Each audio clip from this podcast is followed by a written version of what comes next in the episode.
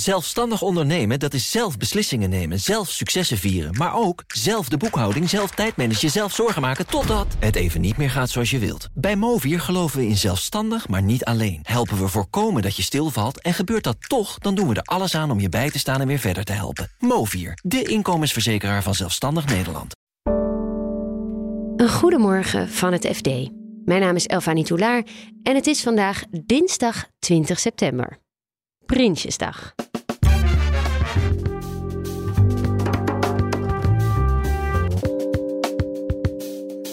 Het Centraal Planbureau is in zijn ramingen opvallend positief. Dus de consumptie kan op peil blijven en tegelijkertijd zie je dat het ook direct ingrijpt in de inflatie.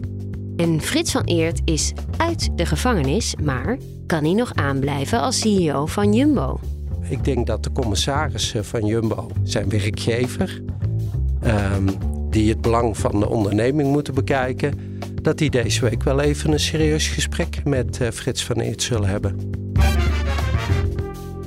Dit is de dagkoers van het FD. Het is dus Prinsjesdag vandaag. Naast een nieuwe begroting en de miljoenennota presenteert het Centraal Planbureau, het CPB, de ramingen over de economie. Redacteur macro-economie Marijn Jongsma vertelt wat er in die ramingen te vinden is. Nou, het enige wat we nu eigenlijk weten is dat ze een economische groei verwacht in 2023 van anderhalf procent. Nou, dat is al uh, alleszins redelijk vergeleken bij alle sombere verhalen over dreigende recessies uh, volgend jaar. Um, en de inflatie zou dan neerkomen op 2,6 procent. Dat is natuurlijk allemaal heel exact in deze onzekere tijden. Maar in ieder geval 2,6 procent. Dat zit al uh, akelig dicht bij de doelstelling van de Europese Centrale Bank. Dit jaar ongeveer 10. Dan zouden we dus van 10 naar 2,6 gaan. Dat is toch een behoorlijke duikeling. Ja, en hoe komt het dat ze zo positief zijn? Nou, dat heeft toch wel heel veel te maken met het overheidsbeleid. Uh, het grote koopkrachtprogramma wat uh, vandaag op Prinsjesdag wordt gepresenteerd. Ter waarde van uh, slordige 17 miljard euro. Um, dat stimuleert de economie uiteraard. Want dat betekent dat mensen in ieder geval minder in koopkracht achteruit gaan. Dus de consumptie kan op peil blijven. En tegelijkertijd zie je dat het ook direct ingrijpt in de inflatie. Bepaalde Um, indirecte belastingen, accijns op motorbrandstoffen, energiebelasting. Um, die waren al verlaagd. Um, maar het was in principe tijdelijk. Dus dat zou per 31 december ophouden. En dan, ja, dat zou dus betekenen dus dat die belastingen ineens omhoog gaan. En dat je dus meer inflatie krijgt. Maar uh, het heeft. Uh, nou ja, het gaat, er, het gaat eruit zien dat die belastingen dus, uh, die tijdelijke belastingen een steeds langduriger karakter krijgen. Met andere woorden, worden verlengd in 2023. En dat betekent dus ook dat de inflatie langs die weg eigenlijk kunstmatig uh, gedrukt wordt. Um, jij hebt een aantal economen gebeld bij banken. Zijn die net zo positief? Nee, nou die hebben natuurlijk die kabinetsplannen nog niet helemaal doorgerekend. Dus die, uh, die zijn een beetje op uh, de achterkant van een sigarendoosje, zoals dat heet, aan het rekenen geslagen.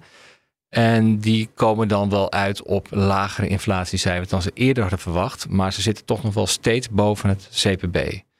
Uh, en toch ook wel behoorlijk fors boven het CPB. Dus ja, ergens zit er, vinden die bankeconomen wel veel optimisme bij het CPB. Ten meer omdat als je de economie gaat stimuleren uh, met dit soort pakketten, uh, dan loop je natuurlijk het risico dat je de inflatie toch weer gaat aanwakkeren via hoge bestedingen. Dus het gaat eigenlijk een beetje lijnrecht in, zou je kunnen zeggen, tegen het centrale bankbeleid.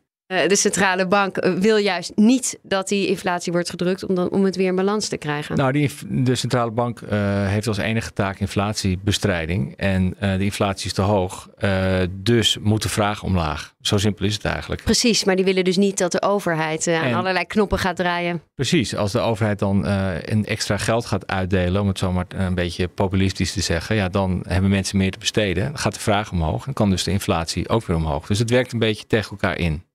En dan is er nog een complicerende factor, namelijk dat energieplafond van 10 miljard euro. Hoe zit dat en wat is dat ook alweer? Nou, dat is een maatregel die ervoor zorgt dat mensen minder aan hun energie kwijt zijn. Het komt er eigenlijk hierop neer dat ze een soort, uh, ja, zou je kunnen zeggen, pakket vastleggen van nou, uh, dit beschouwen wij als een uh, normaal verbruik. Hè? Een soort, soort sociaal minimum aan verbruik zou je kunnen zeggen. Nou, daar kun je nog over twisten waar het plafond precies ligt. Maar zeg je eigenlijk van nou, dat verbruik, daar gaan we dan een, een prijsplafond op leggen. Dus dan betaal je niet meer dan een bepaald bedrag per kuub gas of kilowattuur, noem maar wat. Mhm. En daarboven ga je pas de marktprijs betalen. Dus eigenlijk uh, gegarandeer je een, een, een prijs, leg je een prijsplafond op, op een klein deel, op een, nou ja, het zal geen klein deel zijn, maar op een deel van je energieconsumptie van de consument. Uh, dus je grijpt in als overheid op de markt. Je zegt eigenlijk van nou ja, als jij niet te veel verbruikt, zou je kunnen zeggen, uh, dan zorgen wij ervoor dat jij een niet al te hoge prijs betaalt. En wat vinden economen van dat plan? Nou ja, de, de signalen zijn een beetje gemixt, maar toch overwegend wel kritisch. Want dit betekent dat mogelijk een extra 10 miljard euro in de, in de markt gepompt wordt door de overheid eigenlijk. Want ja, mensen zouden anders veel meer kwijt zijn geweest. het punt is natuurlijk een beetje, je kunt wel een prijsplafond instellen, maar je weet natuurlijk niet wat die prijzen gaan doen. Stel je voor dat die marktprijzen heel lang nog heel hoog blijven, omdat wij nog meer afscheid moeten nemen van Russisch gas, omdat we heel veel moeten investeren in dure alternatieven. Ja, hoe lang blijf je als overheid dan dit doen? want je kunt je voorstellen, dit kun je dan doen voor een jaar. En dan volgens zeg je van ja, jongens, het begint toch wat in de papieren te lopen. En het duurt ons te lang. We gaan er nu mee ophouden. Ja, dan, Hetzelfde geldt voor die belastingen en die accijns. Precies, wat te noemen. dat is waar. En dan schiet die prijs omhoog. En dan, uh, ja, welke politicus durft dan te zeggen van ja, pech gehad, uh, nu is het mooi geweest. En tegelijkertijd, uh, in die tussenperiode, haal je natuurlijk de prikkel om, uh, om alle kieren en gaten in je huis te dichten, om het maar even simpel te zeggen, die haal je natuurlijk weg. Uh, dus dat is natuurlijk altijd het nadeel als je ingrijpt in de markt. een hogere prijs betekent aan de ene kant lok je meer aanbod uit, want het wordt lucratiever om in allerlei alternatieven te investeren. Aan de andere kant druk je de vraag dat mensen denken van nou, ik toch mijn verbruik, dus kijken of ik dat terug kan dringen. Nou, en die functie, van prijswerking, die haal je natuurlijk deels weg als je dat kunstmatig, uh, kunstmatig gaat compenseren met een prijsplafond. Ja. Maar hoe dan ook, zo'n prijsplafond zal wel ertoe bijdragen dat de inflatie natuurlijk lager wordt. Dat is duidelijk. Want het CPB, uh, sorry, het Centraal Bureau van de Statistiek berekent maandelijks de inflatie. Die kijkt gewoon uh, wat geven mensen uit in een mandje aan dingen. Ja, als van iets de overheid zegt het mag niet meer kosten dan zoveel. Ja, dan, dan, dan is het natuurlijk gewoon, werkt het minder door in de prijsindex.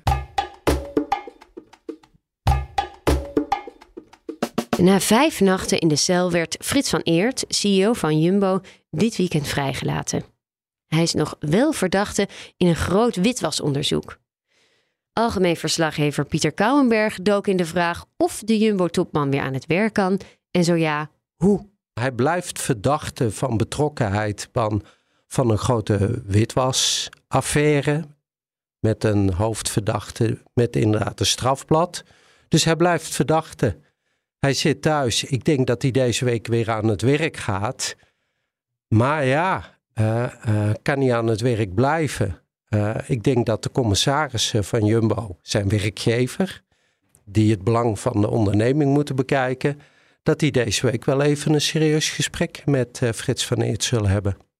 En um, in dat gesprek, wat weten zij al van de reden waarom Van Eert is opgepakt vorige week? Want ja, zoveel ik, details ik, zijn daar niet over bekend.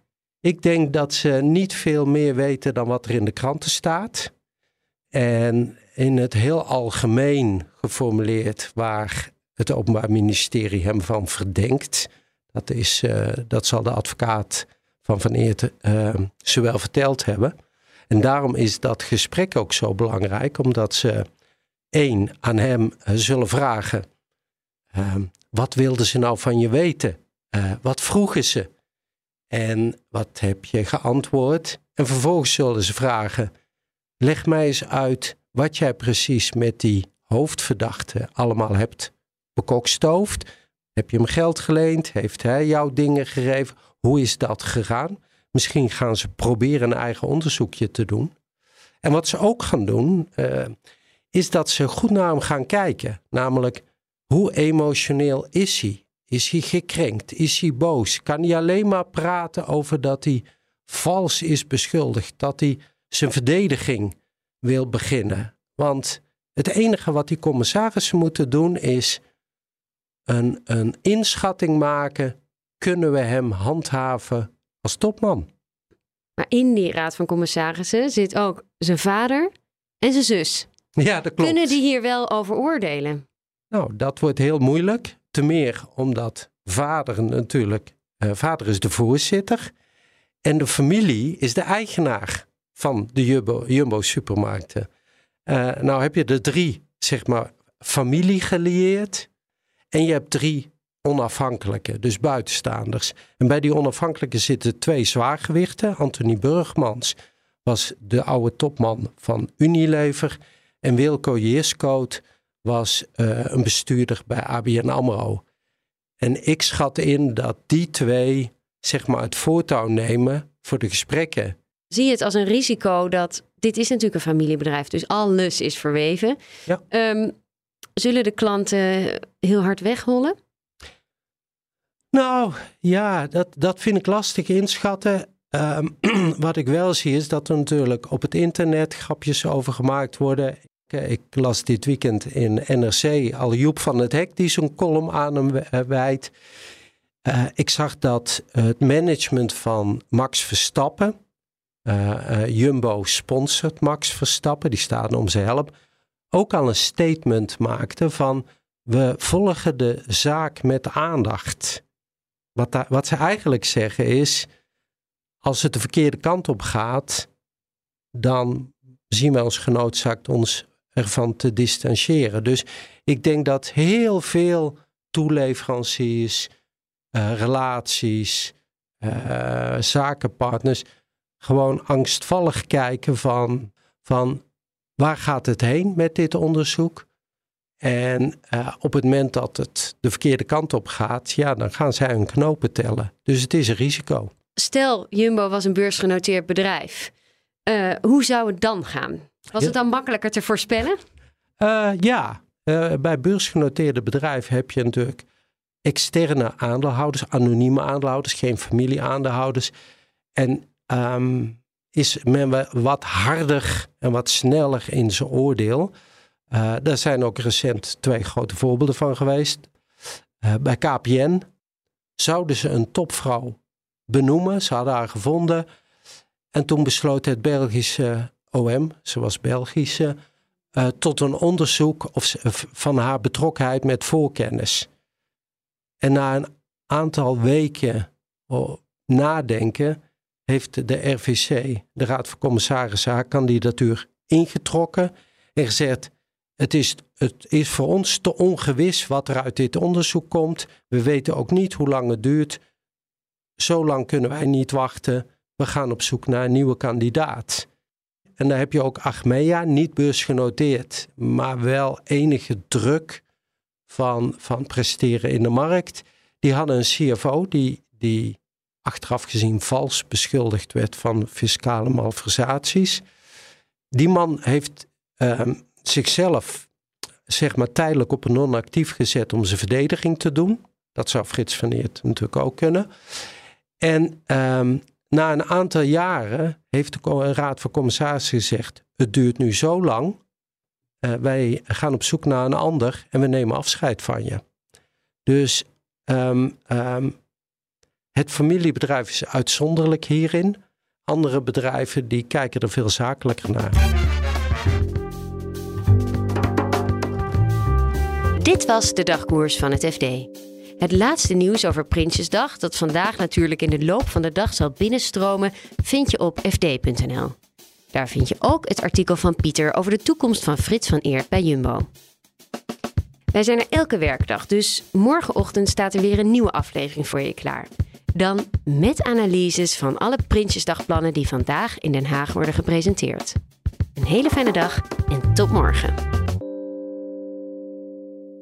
Zelfstandig ondernemen, dat is zelf beslissingen nemen, zelf successen vieren... maar ook zelf de boekhouding, zelf tijdmanagen, zelf zorgen maken... totdat het even niet meer gaat zoals je wilt. Bij Movier geloven we in zelfstandig, maar niet alleen. Helpen we voorkomen dat je stilvalt en gebeurt dat toch... dan doen we er alles aan om je bij te staan en weer verder te helpen. Movier, de inkomensverzekeraar van Zelfstandig Nederland.